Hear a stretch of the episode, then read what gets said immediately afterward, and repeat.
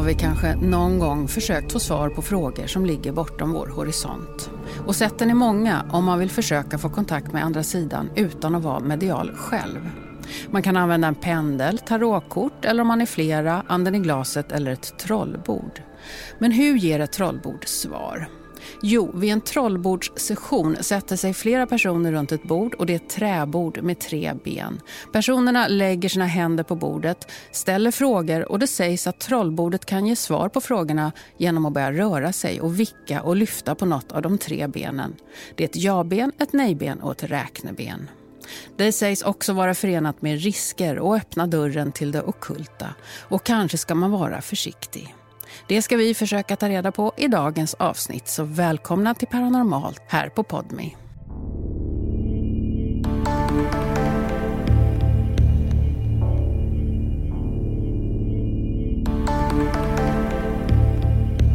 Jag säger välkommen hit till syskonen Mattias och Malin Larsson. Och ni tillhör en släkt som i många, många generationer skapat trollbord. Var det självklart att ni skulle ta över det?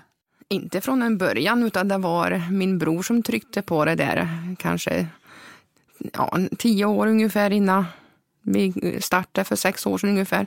Så där låg och han har, gått, eller han har tänkt på detta ett bra tag. Men sen blev det att det kändes rätt att vi skulle köra igång. Ja, innan eh, våran morbror hade det här i många år, men han dog 2015. Så då låg det stilla ett antal år. Mm. Och vi ville föra, eller jag ville föra traditionen vidare. Och då frågade jag Malin också. Sen efter en stund så hakade hon på. Mm. Men ni fick lära er av honom innan han dog, eller vad ni menar han gjorde? Det har vi lärt oss under resa, under vår uppväxt. Mm. Och var lärde han sig ifrån? Var kommer ifrån från början? Göte lärde sig av uh, sin pappa. Och... På 50-talet ungefär. Ja, precis. Och sen innan dess så var det ju morfar som 17-åring lärde sig av en, en trollgubbe från Finnskogen. Han var 17 år som det kallades för Kvist-Lars. Kvist-Lars? Ja, precis. Ja. Är det bara ni i Sverige som tillverkar det? Just namnet, just mm, trollbord är det vi som tillverkar. För namnet trollbord är ju varumärkesskyddat också.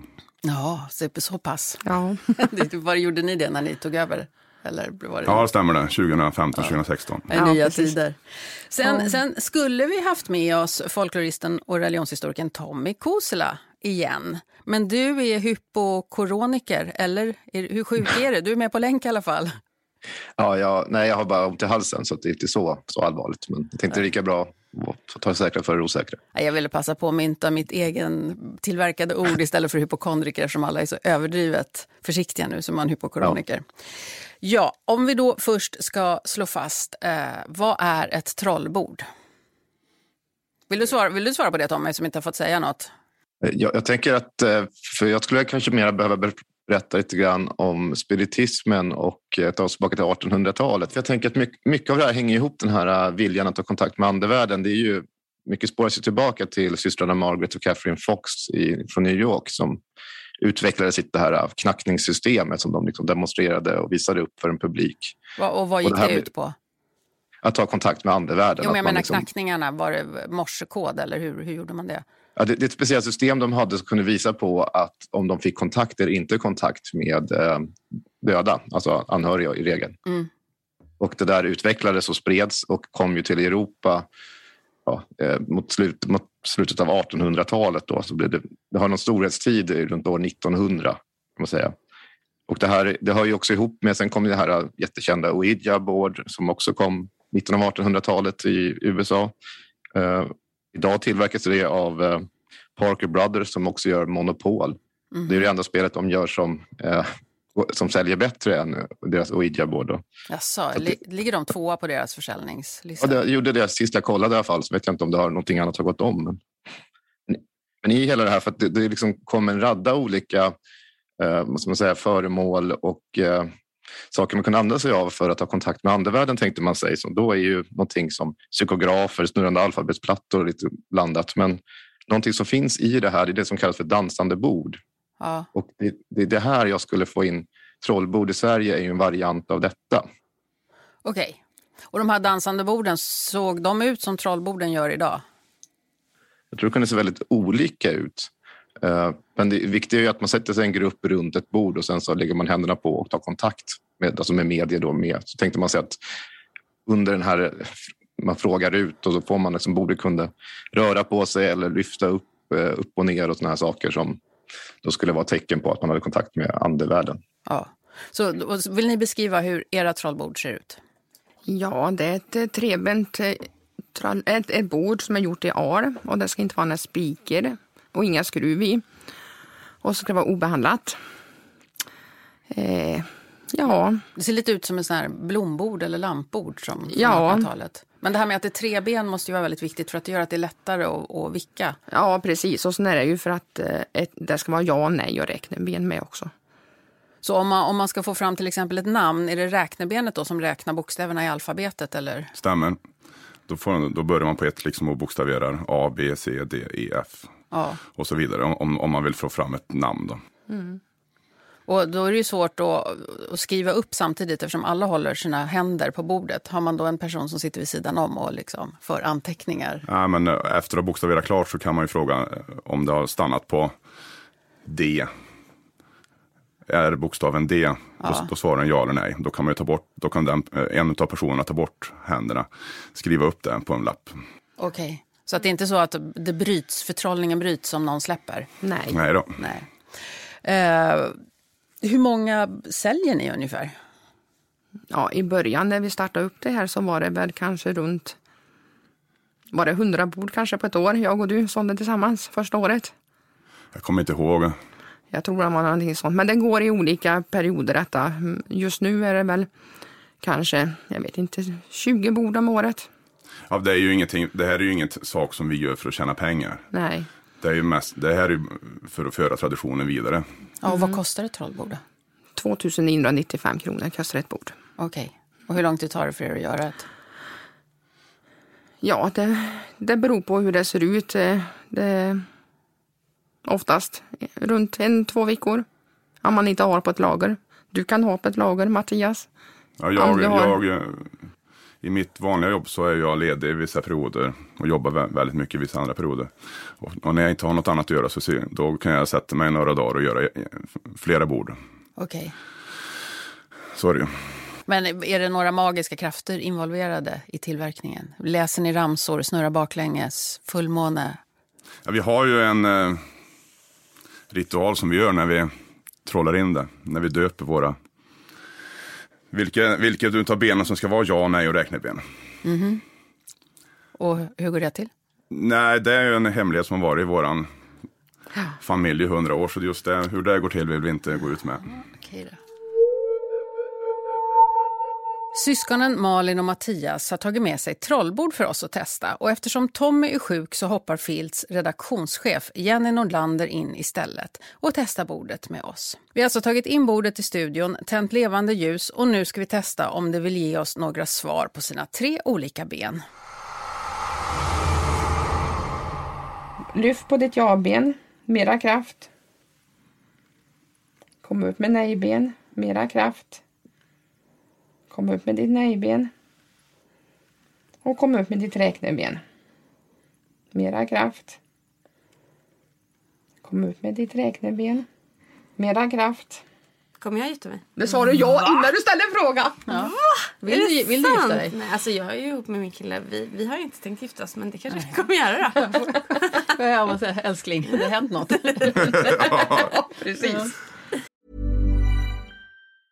A lot can happen in the next three years. Like a chatbot may be your new best friend. But what won't change? Needing health insurance. United Healthcare Tri Term Medical Plans are available for these changing times. Underwritten by Golden Rule Insurance Company, they offer budget friendly, flexible coverage for people who are in between jobs or missed open enrollment. The plans last nearly three years in some states, with access to a nationwide network of doctors and hospitals. So, for whatever tomorrow brings, United Healthcare Tri Term Medical Plans may be for you. Learn more at uh1.com. Mm. Okej. Okay. Uh, eh, kommer jag gifta mig då? Det skulle ju vara extremt otippat kan jag säga. Nej! Ja, vad svaret? Det vet jag inte om jag tror på det här ordet, men ja. Jag får också gå hem och säga du, honey, something happened today at work. Uh, ja. Okej, jag undrar om eh, jag kommer få se mina barns Lucia-firande nästa år. Ja, vad kul! Och jag undrar, eh, jag har ju en hund som jag älskar över allt annat och eh, vill få valpar efter en hanhund. Och håller på att leta efter någon tik att para honom med. Han är tio år nu, så det börjar eh, bli bråttom. Kommer jag hitta någon? Kommer han få valpar? Ja! ja. Bara ja-frågor här.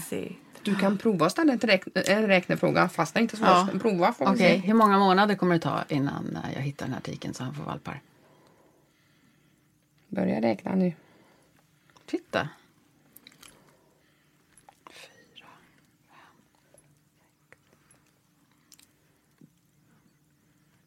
Sju och en halv typ. månader, ja. Yay! Ja. Wow. Jag är nöjd. Ska man göra någonting att tacka bordet nu eller? Jag brukar att, äh, säga tack lite. för tjänsten och, och stryka eller klappa på bordet och säga tack så mycket. Jag känner, jag blir Här. lite svettig på händerna. Förlåt. Så ja. Bordet. Och det kan man bli också. Så kan man känna att ofta. det spirar liksom med, upp i händerna också. kan det bli sån där kraft och Ja, det pirrade så Ja, det här. pirrar, ja, ja, det precis. pirrade jag Är känner det jag. verkligen? Ja, Ja. då är det kraft och energier.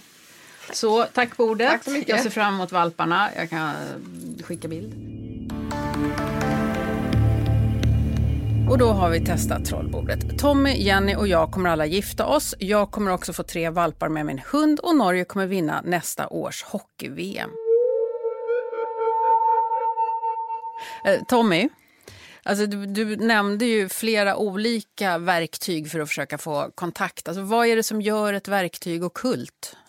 Så det, det, det är väl mera den som... Uh, uh, alltså sammanslutningen när man träffas, om det är någon som är så att säga, ett medium eller som säger sig kunna ta kontakt med, dem, med liksom den andra sidan.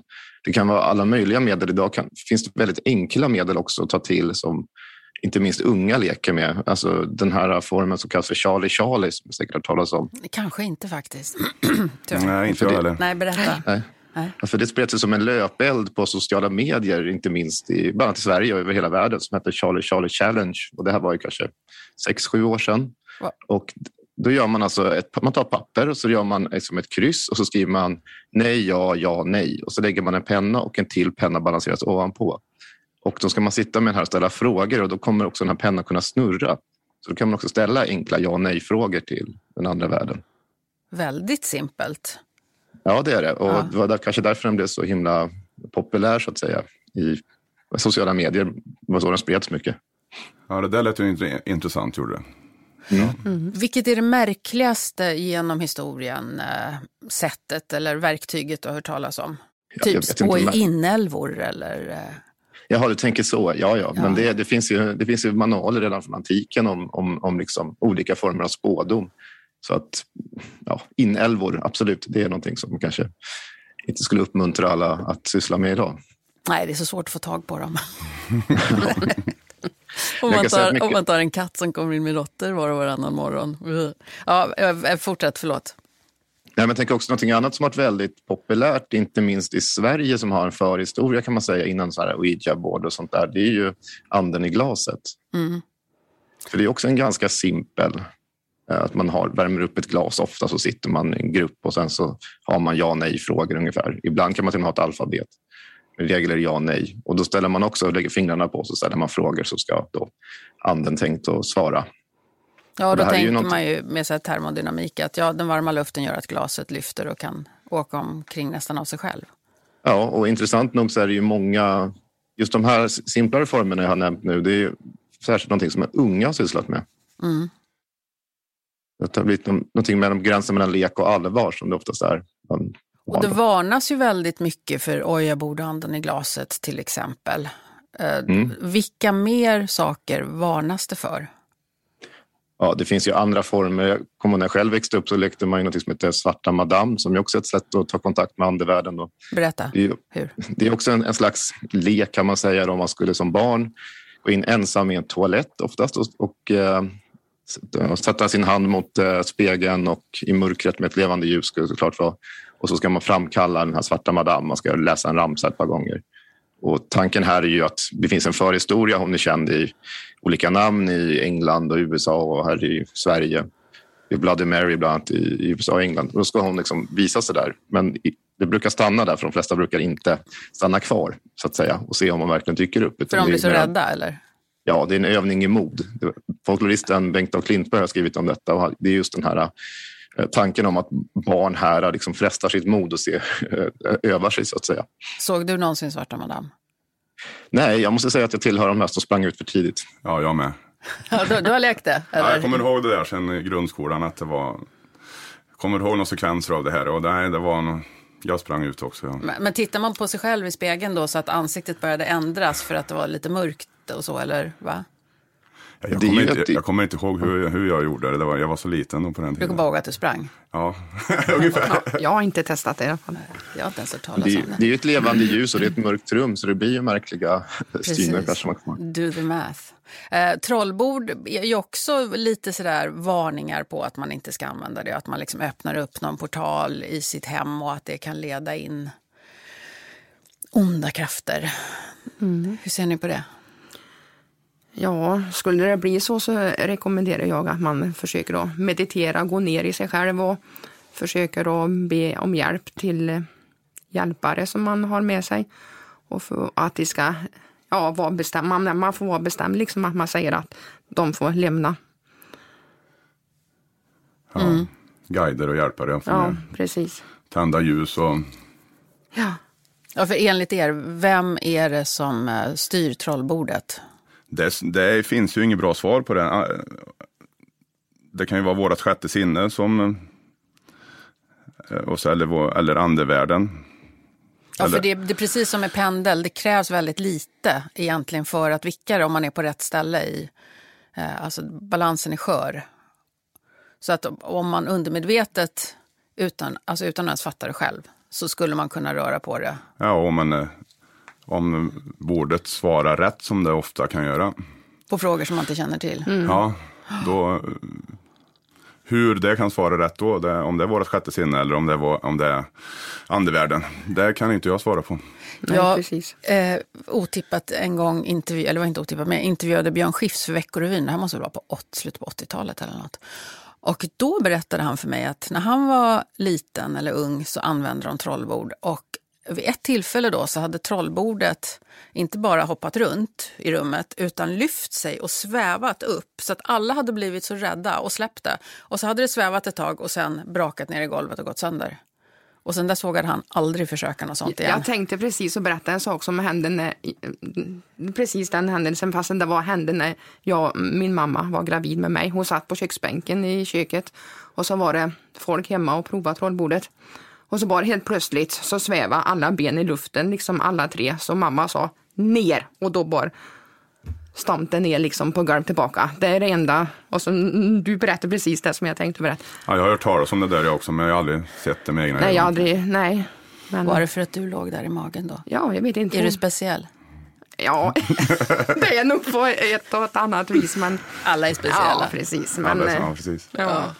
Eh, vi ska lyssna på Lena Ek i Helsingborg som har en upplevelse av att ha spelat Anden i glaset för 60 år sedan när hon var tonåring.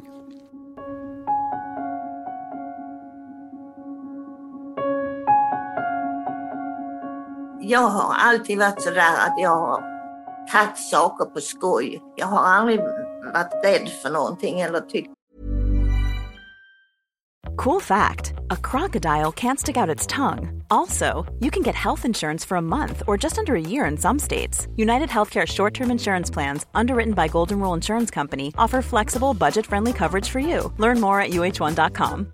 If you're looking for plump lips that last, you need to know about Juvederm lip fillers. With Juvederm Volbella XC and Juvederm Ultra XC, your lip look, whether it's subtle or bold, can last up to one full year with optimal treatment and no additional maintenance. Find a licensed specialist and see if it's right for you at juvederm.com today. That's J U V E D E R M.com. Add fullness to lips in adults over 21 with Juvederm Volbella XC or Juvederm Ultra XC. Do not use if you have severe allergies or a history of severe allergic reactions, or if you're allergic to lidocaine or the proteins used in Juvederm. Tell your doctor if you have a history of scarring or taking medicines that decrease the body's immune response or that can prolong bleeding. Common side effects include injection site redness, swelling, pain, tenderness, firmness, lumps, bumps, bruising, discoloration, or itching. As with all fillers, there's a rare risk of unintentional injection into a blood vessel, which can cause vision abnormalities, blindness, stroke, temporary scabs, or scarring. For full important safety information, visit juvederm.com. låta konstigt sådär, mer än att jag reagerar för det att det finns ju så många olika namn så varför får jag mig hela tiden? När Lena är tonåring roar hon sig med att spela anden i glaset med vänner. För henne var en av de största frågorna då vad hennes man kommer att heta. Och jag fick alltid samma svar. Och Jag tyckte det var väldigt, väldigt konstigt men jag tänkte inte mer på det och sen åkte jag och dansade några år efter.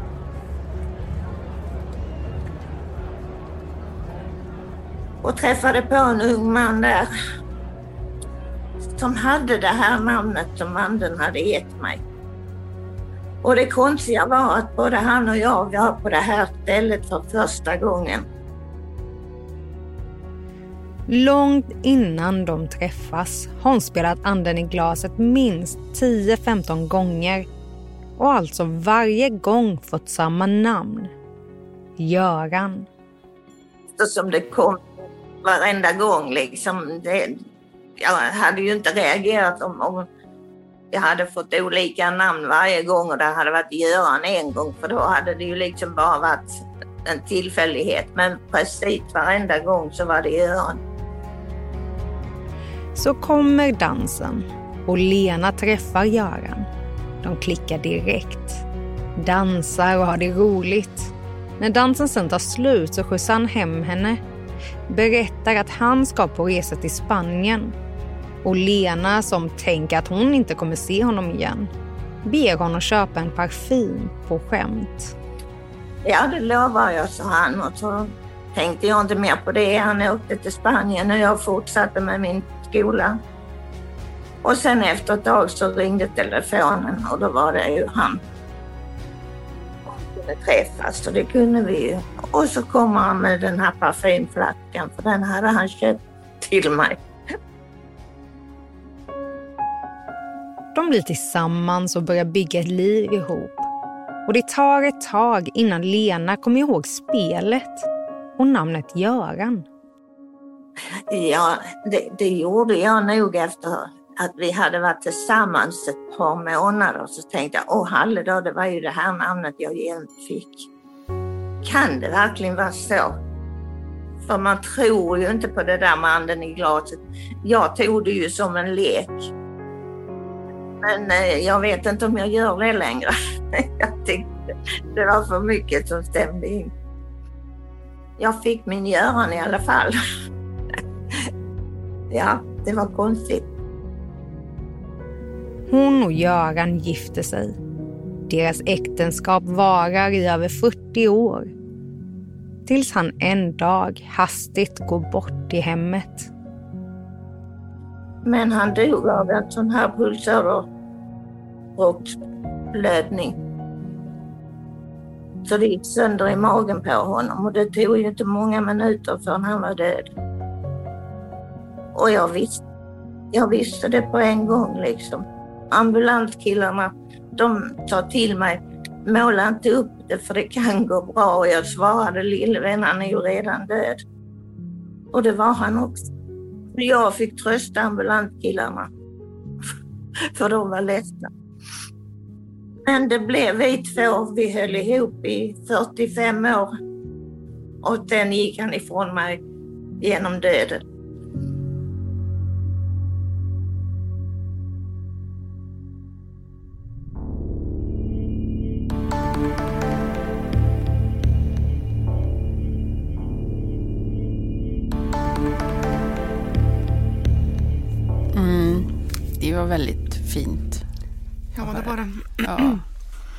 Ja, absolut.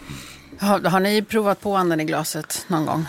När jag, var, när jag var liten, eller när jag var yngre, då provade jag det med någon kompisar. så, Men det är ingenting jag har någon större erfarenhet av. Det var inte så att du fick namnet på dina barns mor? Nej. Nej. Nej. Nej, samma med mig också. Någon gång i min ungdom, men inget större. Ja, det, är det det oftast man frågar om kärlekssaker, tror ni? Ja, det var nog, det är nog lite olika detta. Det, det är lite blandat tror jag. Vad är det annars som, som folk brukar fråga om? I början så frågar de väl saker som de vet svaret på för, för att få en bekräftelse på att bordet kan svara rätt. Hur gammal är jag eller Många Ja, det kan inte jag fråga för då kommer det knacka jättelänge. Skit jag kan fråga hur gammal min hund är. kanske går lite fortare. Jo men det kan vara sådana saker. Hur gammal är min eh, mamma? Eller, Ja, men, Ja. Ja, men precis. sen kan de ju ställa frågor om kärlek, barn, hur många barn de kommer få. Men man ska aldrig gå in på frå frågan när man ska, om död eller sjukdom. Då. Nej, det ska man inte fråga. Nej, det ska man För inte. att? Nej, jag har ju ett exempel som mamma i sin ungdom hade. Var det två stycken hem som provbord och hon frågade hur många år Theo skulle få leva och det svarade fyra år. Och det stämde. Jag tror hon blev 21 år om jag minns det rätt. Så det stämde. Så, Men den gången kommer jag ihåg att mamma, ja mamma var med då när hon frågade. ja, Eller? ja, antingen, ja, Eh, Det, det, kan, det ska jag låta vara osagt. Men man ska alltså aldrig fråga Nej. om död eller sjukdom för det, Det kan bli självuppfyllande också kanske. Men hur är det, och den som ställer frågan, ställer den frågan högt eller för sig själv? man kan ställa tyst också. Och sen så får, kan man även eh, så får man, kan man säga när man är klar att eh, lyft på ja eller nej-ben beroende på vad du frågar. Eller lyft på räkning, sen kan det räkna också. Men då är det viktigt att de andra är nollställda liksom när man så den som ställer frågan i sitt, ja tyst sådär att det är bara den det är fokuserat på liksom. Tommy, du, när du pratade förut om ifall man skulle hålla på med anden i glaset, och ojabord och trollbord, så sa du att man hade, skulle ha en medial person som var med. Men om den medial person är med behöver man väl inget verktyg? Jag har alltid tänkt att de här verktygen är för de som inte är mediala. Ja, det, I början så var det mycket någon som var en specialist som var med. Eh, många av de här 1800-talsskildringarna i alla fall. För mycket av de här skildringarna som typ de här systrarna Fox och sådana hade, det var ju att det var en grupp som satt. Om det var ett runt bord så satt de ju liksom en hel grupp runt det. Ja. Så att det var ju någon, någon som hade kontroll och, och kunde läsa och förstå de här knackningarna. Och det var ju den som var specialisten. Det finns, det finns en, eh, en term som myntades av en religionsvetare för ett antal år sedan. Partridge heter han. Han, han, han använder termen oculture för den här nya vågen av intresse som finns för nyandlighet och magi och kultism. Så han liksom får ihop det så att det blir oculture. Men, det- men, det- men de som köper era trollbord idag, är de mediala? Eller är det vem som helst? Jag skulle säga vem som helst ja. Ja. En del mediala och en del som kanske har provat det för många år sedan som har önskat sig ett trollbord länge och de känner att nu är det dags. Liksom, de köper dem. Och så finns det de som även jobbar som medium också som köper bord också. Som kan använda det som vid en tarotläggning, att kom hem till mig och så kör vi trollbordet och så är den... Ja, typ så där. ja de vill väl ha extra, ett extra redskap ibland. Vissa som är mediala. Hur, hur ser man liksom runt om i världen? Hur ser man på kulta verktyg där? Där, Ja, det ju- som om det var ett det, är, ställe. det är en jättesvår fråga för att det finns ju så många olika åskådningar och, och beroende på vilket som är liksom den dominerande religionen. Men exempelvis, nej, men jag tänker på att ta, ta inom islam exempelvis. Det finns ju även rörelser där inom som skulle kunna anses vara alternativa så att säga, som även har inslag av Som, Ja. Nej, men det finns ju den här mystik, alltså om man säger så. Alltså, eh, religiös eh, mystik, den innehåller ju ofta såna här typer av eh, olika medel för att nå ut till andevärlden som kanske inte alltid är accepterade av liksom, den rådande eh, trosuppfattningen, om man säger så, i landet. Okej, men som i islam, vad använder man där? Det finns allt från amuletter till eh, föremål som man ska kunna komma i kontakt med. Så att, eh, mycket bygger där på koranverser eller liknande haditer från eh, Muhammeds levande. Och det anses ju att man kan även skriva ner dem och sånt där, då får man kontakt. Okej. Det är, ju- det är, just, det är, det är, som, det är sånt där som ger kraft och styrka. Så var det ju även i, kristendomen här i katolicismen, mycket av föremålen där är ju, det bygger ju på, de är krafట్లాddade så att säga. Voodoo, det, voodoo kan jag tänka mig att eh, där finns väl en hel del sätt att kommunicera också. Ja, ja absolut. Ja, ja. Det, är, det är en sån religion där, eller ja, mixed, där det också finns eh, religiösa mästare som hade kunskap om, om att ta kontakt med den andra sidan. Mm. Eh, vi ska lyssna på ett inslag till. Eh, och då är det Patricia Göteborg som ska berätta vad hon var med om. När Patricia var yngre så tyckte hon att anden i glaset var en lite läskig men rolig lek att göra med sina vänner. Men när hon var i 18-årsåldern så var hon med om något som fick henne att ändra uppfattning helt och hållet. Den här gången var jag med en tjejkompis och vi gick hem till hennes stora syster som bodde själv. Ehm, hon bodde i en gammal byggnad kan jag tillägga. Det var, det var typ på hösten. Det var jättedåligt väder. Det spöregnade. Det var åska och blixtar. Och elen gick. Och då tyckte hennes stora syster, ska vi spela anden i glaset? Och det tyckte väl vi var en rolig grej. Stora systern tog fram ett bräde, glas och ljus och instruerade Patricia och hennes väninna att ställa alla sina frågor till anden tyst för sig själva så att de andra inte skulle höra frågorna. Så jag ställde frågor som jag visste att min tjejkompis inte eh, hade svaret på. Och varenda fråga var korrekt. Till, till punkt och pricka. Jag ställde frågor typ som vad min mormor hette. Vad eh, typ mitt favoritgosedjur när jag var liten. Alltså sådana jätte underliga frågor. Mest för, för att jag var nyfiken på om det verkligen var på riktigt. Och ju mer svar man fick som var rätt, desto läskigare blev det ju liksom. Men det är först när Patricia ställer en fråga rakt till anden som situationen blir direkt obehaglig. Och sen ställde jag frågan, vad heter du? Och den svarade Zed, Z-E-D. Och då blev jag väldigt rädd. För då kom jag på att jag hade läst en tidning när jag var yngre typ Okej okay, eller någon sån här ungdomstidning eh, där någon hade sagt att spela inte använd i glaset liksom och vi gjorde det och vi fick den här anden som sa sig vara ett barn som hade dött av en kula eller något hade de ställt.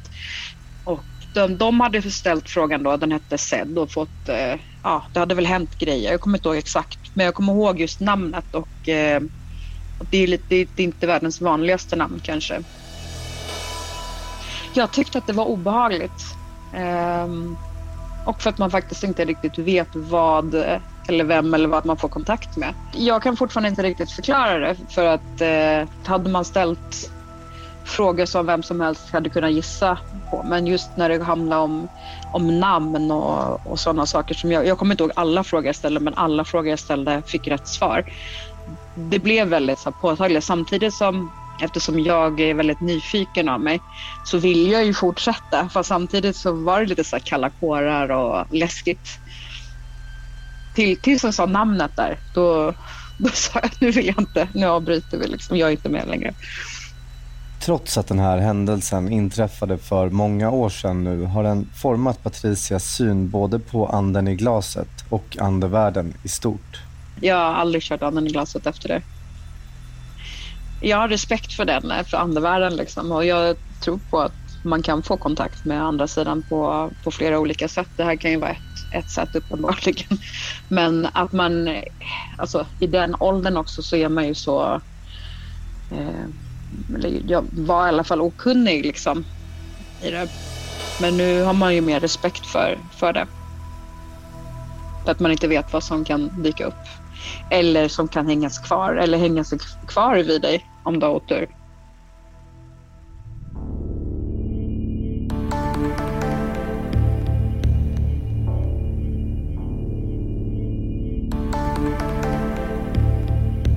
Ja, det där hör man ju talas om ganska ofta, att, att det kommer fram saker som inte är riktigt välkomna. Mm. Har, har ni några tips på hur man ska undvika den risken eller möjligheten. Ja, känner man att det är någonting som inte är rätt, då kan man ju be eller hjälpare och ja, meditera och försöka få hjälp att det ska försvinna ifrån en. Jag brukar ju säga att be min mamma som är på andra sidan och hjälpa till och ta dit någon som är god. Mm. Det kunde jag faktiskt göra i det okända också när det kärvade. Alltså? Så bad jag henne komma. Ja. Ja, eh, Tommy, har du några tips? Jag, jag, nej, jag, jag har kanske inga tips, men jag reflekterade över båda de här berättelserna. För att den första, som var väldigt fin, den går ju in i samma form av... Alltså det finns kärleksspådom i arkiven. I folkminnesarkiven i Sverige finns tusentals berättelser av olika former av riter man ska utföra för att få reda på yrke eller namn eller vem man ska gifta sig med. Så det här, det här är en variant av detta kan man säga, fast i modern tid. Mm. Så det liksom stämmer in med så mycket annat. Vi har blommor under kudden på midsommar känner ju alla till och det, är också en variant av detta.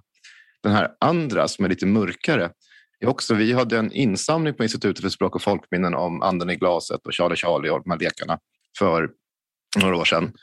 Och då kom det in den här formen också. Alltså att några har suttit och eh, eh lekt eller Anden i glaset och sen så har de ställt en fråga och fått namnet då vem det är efter ett tag. Mm. Och då är det djävulen har, har kommit fram.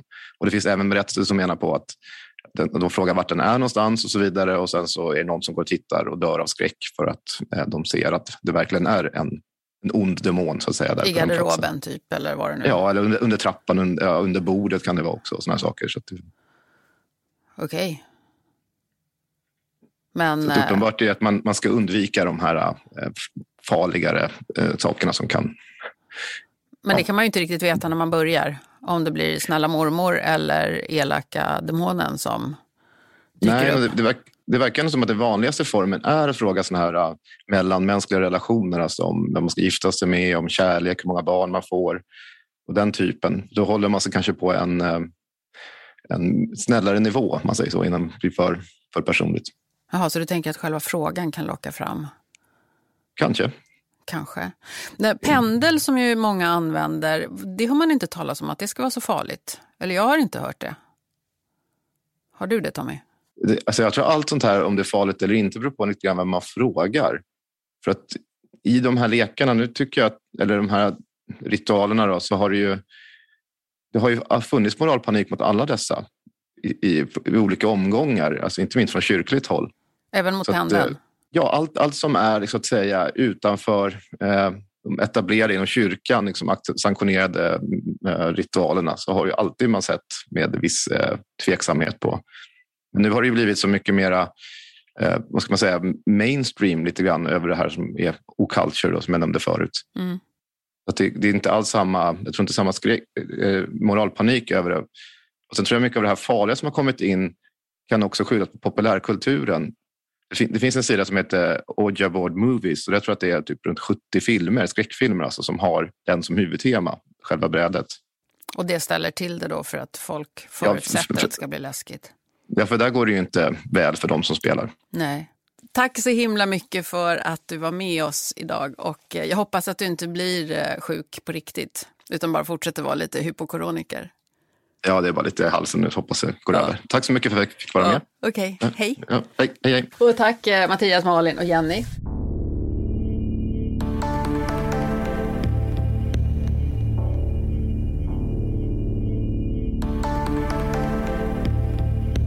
Och det var allt för den här gången. Tack för att ni har lyssnat och nästa vecka är vi tillbaka med ett nytt avsnitt. Vi hörs då och hej då.